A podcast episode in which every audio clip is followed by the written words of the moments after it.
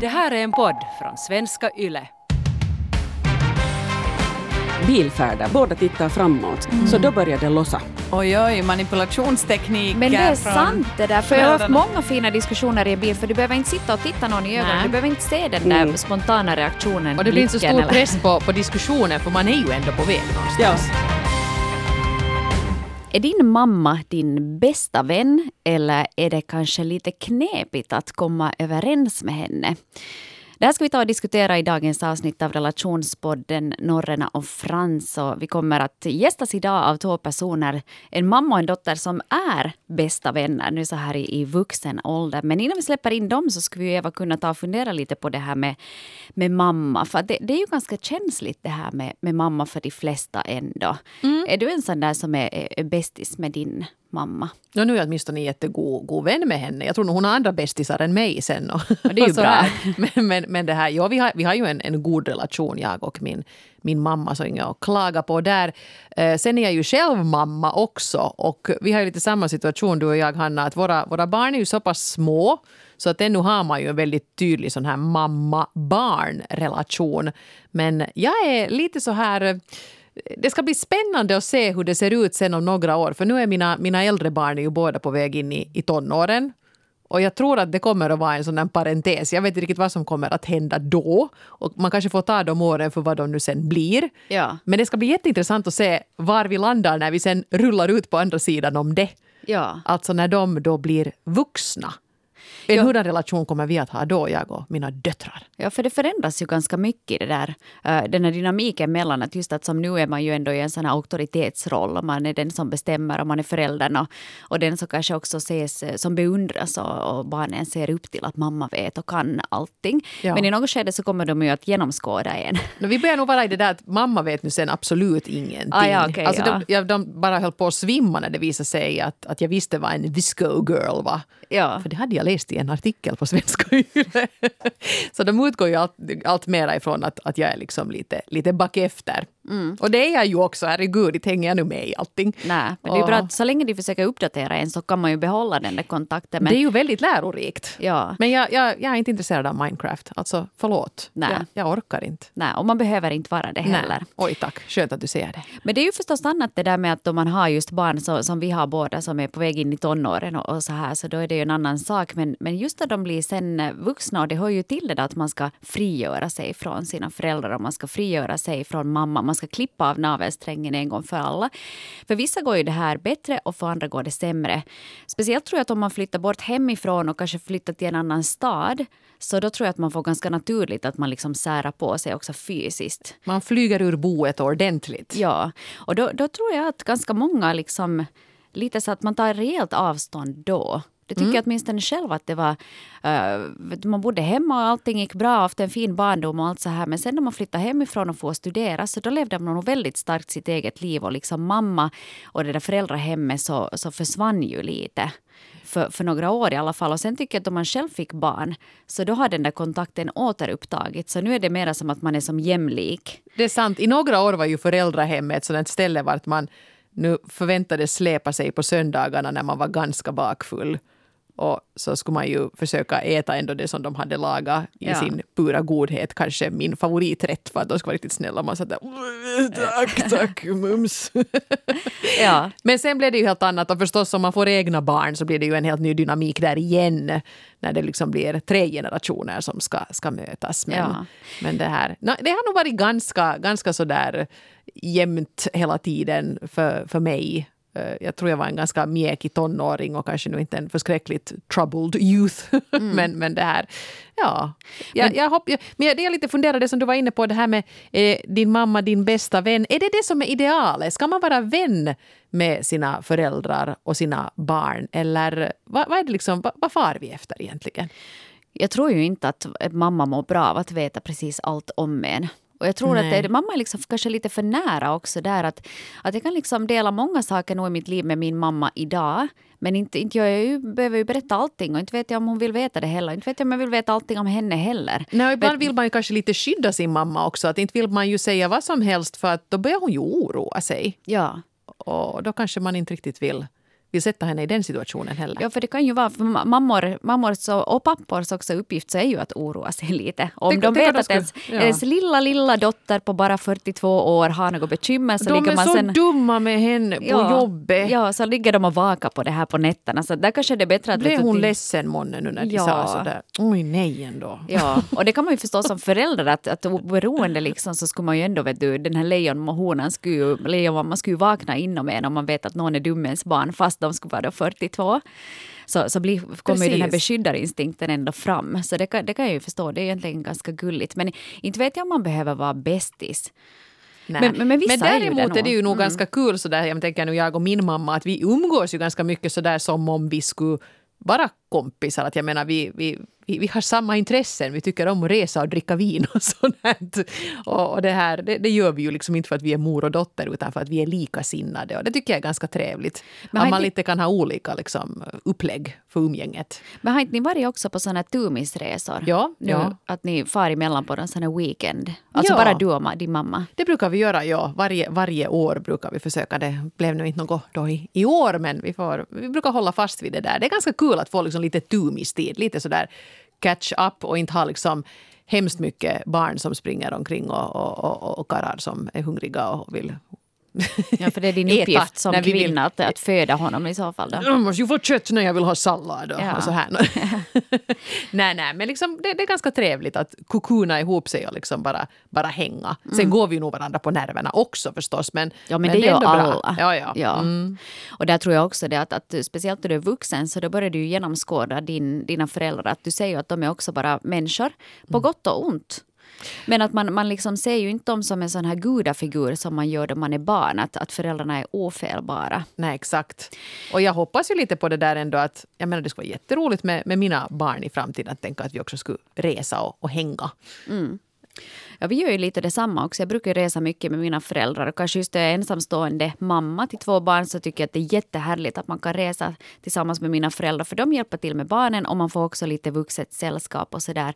Men inte det är ju samma sak som att, äh, att, vet du, att, man, att de är med som om man skulle ha fast en jämnårig kompis Ni med. får inte på så här Ibiza uncovered. Nej, vi gör inte det. Kanske så mycket i alla fall. Eller om vi gör det så går vi i alla fall hem i tid. Eh, Så på det sättet skulle jag uppleva, säga att, att jag upplever liksom den här relationen som harmonisk. Men eh, det finns ju nog också folk som har det ganska jobbigt. Och jag har eh, nog människor som jag känner, alltså jag har en, en vän som, som har en jätteproblematisk relation till sin mamma. Och där kan det vara just vet, att det kan bli så pass jobbigt att man till och med säger upp kontraktet helt och hållet med Ja. föräldern. Och jag tror att, att där, där man tänker vuxna människor som, som kan vara liksom, vet du, medelålders så kan ändå ha eh, en jättejobbig relation. Det här med mamma är jätteladdat. Så att det är ju inte bara harmoniskt då vi åker på weekendresor och dricker vin utan för många så är mammarelationen den som ställer till det allra mest. Ja, samtidigt som det ändå borde finnas en sån viss lojalitet ju inbyggd där, för man har ju trots allt sin mamma att tacka för att man finns överhuvudtaget. Men det kan ju inte ändå innebära att man ska behöva buga och bocka och stå ut med vad som helst för evigt om det faktiskt liksom har skurit sig. Men eh, vi ska ju faktiskt få, få in två gäster i podden idag. Och det är en mor och en dotter som eh, åtminstone nu har en så god relation att de orkar jobba ihop. För ni har nämligen precis startat en podd tillsammans. Mm.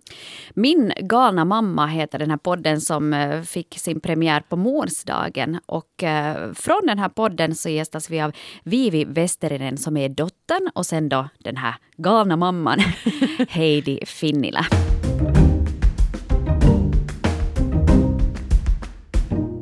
Ja, vad säger ni nu då? Kan en mor och en dotter vara bästa vänner? Är ni bästisar? Nej. Absolut inte. Inte? Men alltså, det finns ju sådana som säger att det är det och det är helt okej. Men, men vi Det är helt okej, men det är ganska störande. Ja, jag, jag, jag måste säga att jag blir också lite sådär irriterad av, av folk som mamma är min bästis. Och, och just framförallt kanske ännu värre mammor som alltså att min dotter är min bästa vän. Och då blir jag alltså att men stackars mamma om du inte har någon annan bästis än din dotter. Att det är ju en jättestor belastning för dottern att vara mammans bästis. Eller hur? Ja, men eh, nu brukar det ju väl ändå vara sådär 50-50, tror man ju. Att vara bästa kompis med en förälder eller just med sin mamma, om man är dotter, så det brukar just ofta resultera i i en sån här just äh, jätteskrytig relation, äh, så här störande shoppingdagar med mamma och äh, alltså jag vet inte, det brukar vara ganska så här stereotypt och äckligt. Här tar Så- vi skumpani tillsammans. Ja, så kanske liksom ibland kan vi gå in i de kategorierna och liksom Ja. nästan verka så, men vi, vi stänger ner det ganska snabbt om man ska liksom tala om några bästa vänner eller Ja, och jag älskar ju nog att ta selfies med Vivi och Vivi älskar inte alls det lika mycket när jag tar, vill ha selfies. Eller jag är, brukar inte vara med på hennes selfies. Men, men var drar man gränsen då? För jag tänker ju kanske nu då att, att mamman är den där som är lite mer den där efterhängsna, om vi nu, du Heidi ursäktar här. Ja, ja, det är helt okej. Men vad drar du vid gränsen då? Du säger att ni inte är bästa vänner. Vad, vad berättar du inte om åt mamma? Jag Du kan ju berätta det här nu inför hela folket, ja, tänkte jag. Ja, eller så här, inte, Ja. inte, inte berättar jag i detalj kanske sådär hur jag har betett mig på fyllan. Fast jag vet nog ganska mycket av vad du gör i fyllan ändå. Ja, du har liksom. faktiskt måste föra mig. Vi hade ju en sån här situation där, eller ska vi ta den nu? Ja, whatever. Eh, Vivi ringde. Eller var det så att du skickade WhatsApp? Nej, jag skickade Ja. bild för att jag hade, jag hade gått lite vilt på en, på en fest och hade trampat fel och min... eh, Bristen var vrist- stukad och den var så svullen och Vivi skickade en bild åt mig att vad borde man göra nu? Och det var en söndag och, det där, och jag sa att nej, vi måste nog gå och visa den. Att, att den, den var så pass svullen, att för säkerhets skull. Och sen plötsligt är hon bara så här att jag, jag är nu på väg till dig. Och jag bara oj fan, för jag hade faktiskt lyckats ta hem en, en person med mig. Eh, och då måste jag liksom chassa iväg dem och vara sådär att hej, sorry, min mamma är på väg.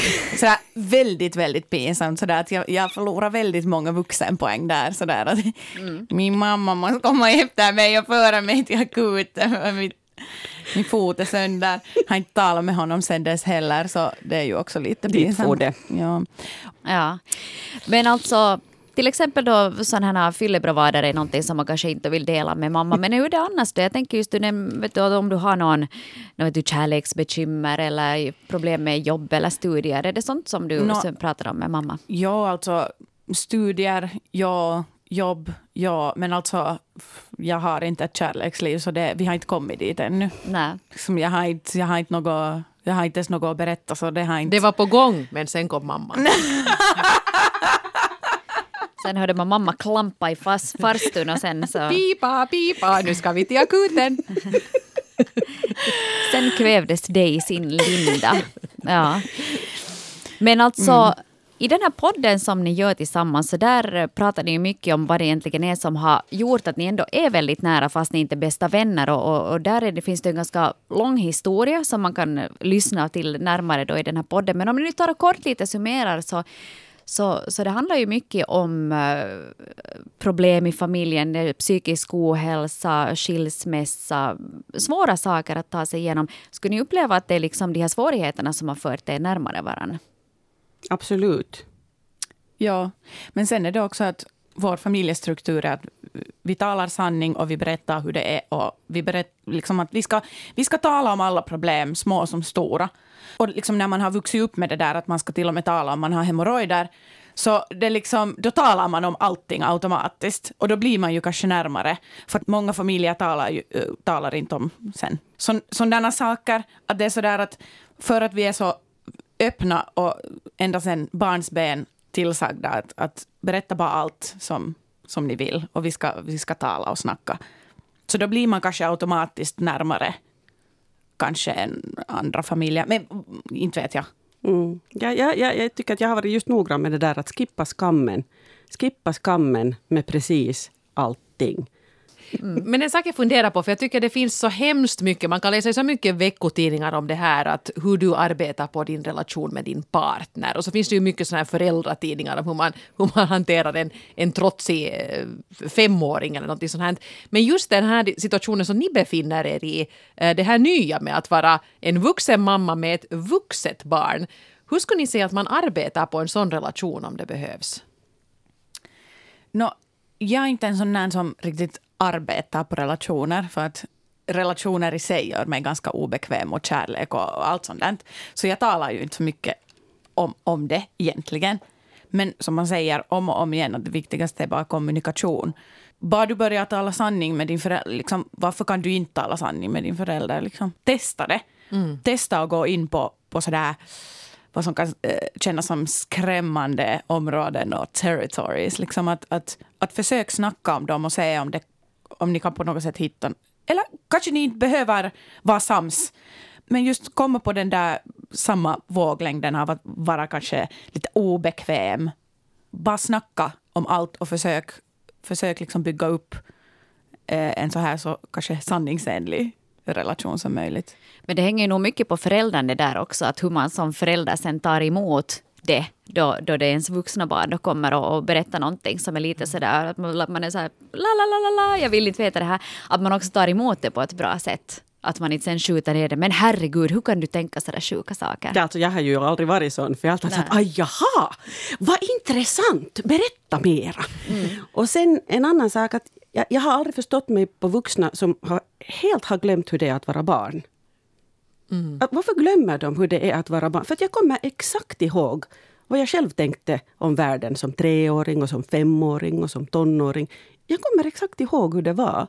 Mm, det där är sant. Jag tycker det, ibland har jag till och med glömt det men det är liksom en minne som reaktiveras på något sätt när mina Ja. barn befinner sig i den där Ja. å- specifika åldern. Och, och då är det ju liksom lätt på något vis att, att, att bara kom, komma på den nivån. Och sen ska man ju liksom tolka signaler, försöka, försöka skapa en sån här situation. Och sen det att, att när man är tonårsförälder eh, så är det ju det att tonåringar slutar ju sig ofta som musslor helt och hållet.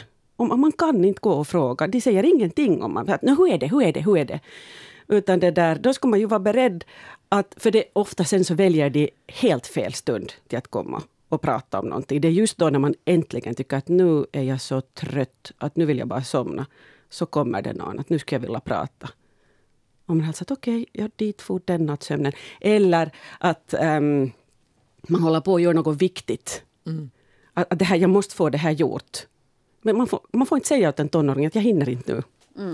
Eller så känner jag. För att, för det är så värdefullt vid det skedet när tonåringen vill börja prata. Då måste man, man måste ta den tiden. Att okej, nu pratar vi.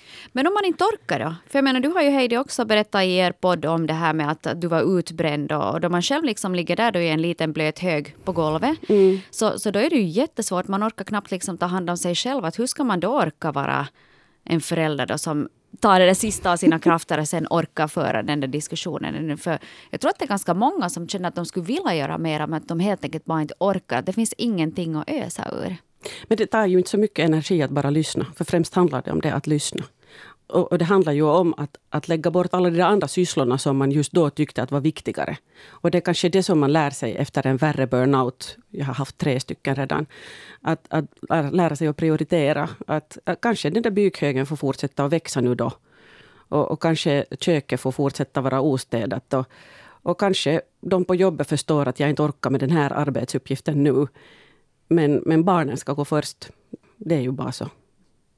Men sen är det ju annorlunda, just att om vi skulle ha varit tonåringar under den tiden som mamma blev så sjuk, så inte skulle vi ju ha gått på samma sätt heller och talat. och varit så där.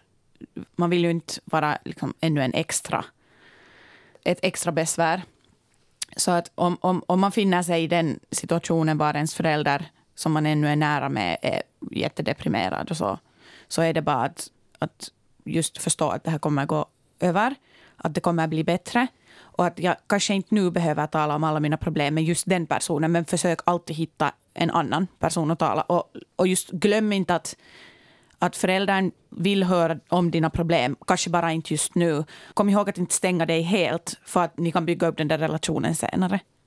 Oj, så bra sagt. Vivi. Bra poänger. Ja. Ja. Eh, vi var lite inne på det här Eva här i början, att, att tala om att det också finns sådana ganska problematiska uh, föräldrarelationer. Speciellt det här med mor och dotter verkar vara någonting som är, är ganska så känsligt. Men nu kan jag tänka mig att eh, mödrar och söner också kan ha det lite knepigt. Tycker du, Heidi, som ändå har en dotter och två söner, tycker du det är någon skillnad på något vis? Jo, mellan det- de här relationerna? Ja, alla, alla barn är ju olika och alla tre är jätteolika. Ja. Och jag har helt olika, liksom, jag har bra relation med, med båda pojkarna också, men de är lite olika. Är de liksom, känns de längre bort då för att de är Ehm, pojkar eller, eller vad tror Nej, du? egentligen inte. Ehm, N- n- no, ä- äldsta sonen är ju redan 23 och han har, han har flyttat hemifrån redan när han var 18. Så, så att liksom, vi har inte särskilt mycket så fysisk närhet och, och vi ses inte så mycket. Men jag vet att varje gång han, eh, han behöver prata och om det är någonting han grubblar över så nu är det ofta mig han kontaktar. Och, och vi hade en ganska intressant situation här nu i samband med coronan. Eh, att jag upplevde eh, för första gången någonsin att vi bodde tillsammans två veckor bara på Tumis. För att han var i Zürich och skulle utföra sina magisterstudier. Och så måste han fly därifrån på grund av coronan helt i sista minuten. Och sen, sen måste han ju vara i karantän två veckor. Det var, jag jag upplevde det som, fast det var, det var stressigt och det var alla möjliga svängar där, men sen den här, de här två veckorna som vi hade tillsammans var himla fina. Jättemysigt på något vis att äta middag varje kväll tillsammans. Inte var det så där att vi var tätt ihop hela tiden. Vi levde olika liv, jag distansjobbade. Men varje kväll möttes vi och, och lagade den där middagen tillsammans och, och pratade. Inte en djupsinnigheter nödvändigtvis, men bara det där att vi var tillsammans. Det där tycker jag är en ganska kul grej, för det där är något som jag själv kan tänka att jag, jag lite ser fram emot med mina barn när de blir större. Att lite upptäcka dem på nytt i olika situationer. Och liksom just det där att umgås med dem en och en, det är redan nu ganska skojigt. Det kan komma fram hemskt mycket andra grejer än vad det, vad det gör. det är ju inte så hemskt ofta som vi hinner sitta och lyssna på varandra i Ja. familjen om alla är på plats. Så är det. Men, Men just du- det där att ha, ha en jotto med, med sina olika barn, att, att vi brukar göra det här och vi brukar göra det där.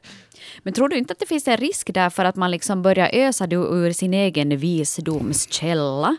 Och, och man tänker att, jo, jo, att här har jag har levt så länge och jag vet allt det här. Att man liksom börjar ge alla de här kanske inte alltid så efterlängtade tipsen och råden också till sina vuxna barn. Att då jag var i din ålder så Nå, just bla så bla jag- bla. Nej, alltså, nej, men föräldrar måste lära sig att hålla käften ibland. Ja. Det är sådär att jag, jag kom inte hit för att få något tips om vad du gjorde på 70-talet.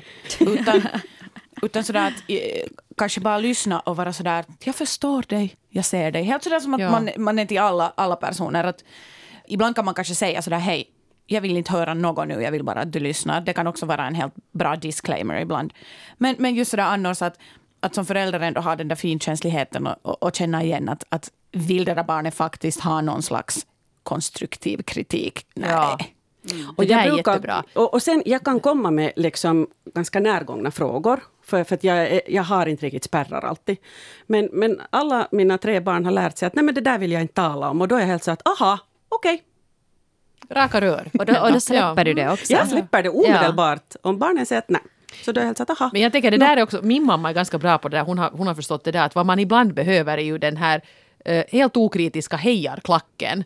Att om jag ringer liksom och, och så berättar jag om, om någon kollega som har varit jättedum så då ska hon bara säga nej. Ja. Säger du det? Det var nog skit. Hon kanske lägger, lägger patiens samtidigt för det är ju inte hemskt intressant. Nej. Men just då så behöver hon vara den här liksom planken som säger att ja, jag förstår att du blev förbannad.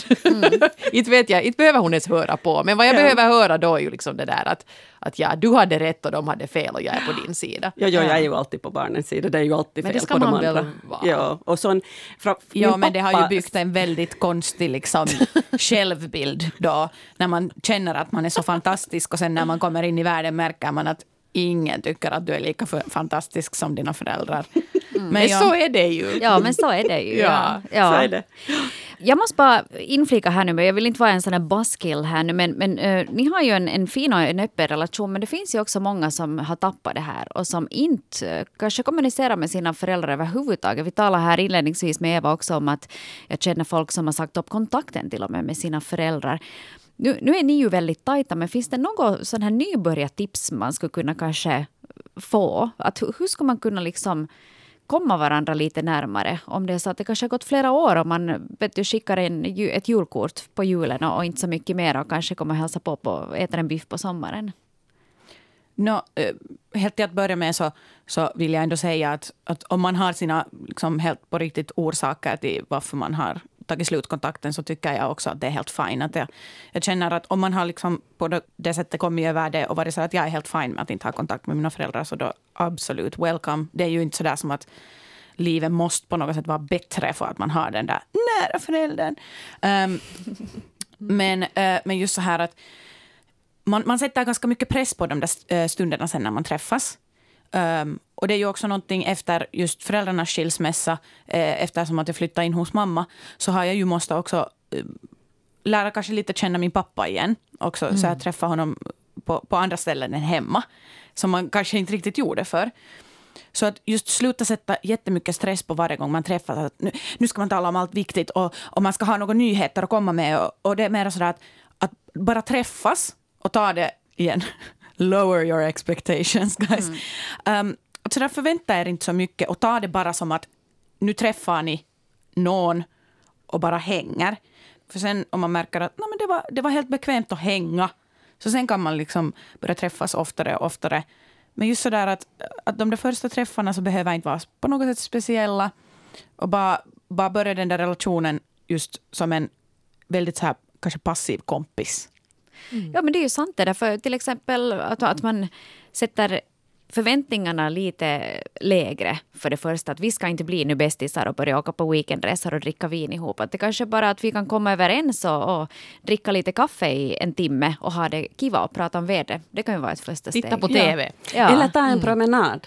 Promenad brukar också vara så där neutralt. Och det kommer jag ihåg också när ni var tonåringar. Så bilfärder var det bästa sättet att få... När man titt, båda tittar framåt så här, så då börjar det lossa. Oj, oj, manipulationstekniker. Men det är från sant det där. För jag har haft många fina diskussioner i en bil. För du behöver inte sitta och titta någon i ögonen. Nej. Du behöver inte se den där Mm. spontana reaktionen som hen då har. Att du Ja. behöver inte se det där äcklet i Och det blir inte så blicken stor eller- press på, på diskussionen för man är ju ändå på väg någonstans. Ja. Ja, det, det, det är sant. Så kanske man borde börja köra runt den. Och Det här är ju inte jättemiljövänligt. Kanske det är promenaderna då är mera miljövänliga. Absolut, ja. Och skogen som ju är helande och lekande. Man kan lite krama träd där också tillsammans. Oh, Jesus. Ja, det är kanske lite too much i vissas bok. Nej, men om man är hippiemamma så det är ju också Ja. sådär att alla får förlåta mig för att jag är som jag är. Att jag skäms ju inte liksom för mig själv Nej. heller. Och det ska du inte göra heller. Nej. Men jag tänker där också att er podd kan fungera så där lite som inspiration för, för eh, mammor och döttrar som är så där kanske i lite samma situation som ni. Alltså just det här, nu, nu är vi båda vuxna, what now? Så man behöver ju kanske inte faktiskt göra en podd om man inte vill. Eh, men kanske lite använda er som inspiration att vad om vi skulle sätta oss ner och ha ett sånt här samtal? Utan att spela in det då fast, men att om de här nu vågar så kanske vi också vågar. Eller bara att, att, att om, om det är någonting de kanske har velat tala om men de vågar inte. Eh, eller känner att det är för obekvämt så kan de lyssna på oss och kanske vara sådär de kan till och med lyssna på det i samma rum och, och på något sätt kanske få den där... Eller i den där bilen. Ja, när i ni den där behöver titta bilen. på varandra. Och, och, då- och då kan man kanske få en sån här, okej vi har båda lyssnat på det här nu och vi vet att vi har fått den här informationen, att vi har kanske någon slags connection nu. Och nu det är nästan som ett eget sätt att ha talat om den saken, kanske att lyssna tillsammans på någonting. Ja, Ja, att man delar, ja, man delar den där upplevelsen Ja. och sen kanske man, man ofta vill man ju säga någonting om det, någon, det som man har upplevt. Så, Ja. Som Vivi sa i den här podden, så känner jag också. Mamma. Ja, ja. Eller, vad- eller har du mamma tänkt på det där? Att, Ja. ja. Och det är den responsen jag har fått, att, att det där, eh, föräldrar har lyssnat på den. Familj, hela familjer har lyssnat på den tillsammans vid frukostbordet. Och det gör mig helt otroligt glad. Vivi Westerinen och Heidi Finnila, tack till er för att ni besökte Relationspodden. Förhoppningsvis så kan det här leda till bättre relationer också i andra familjer. Eh, podcasten Min galna mamma finns nu på Yle Arenan.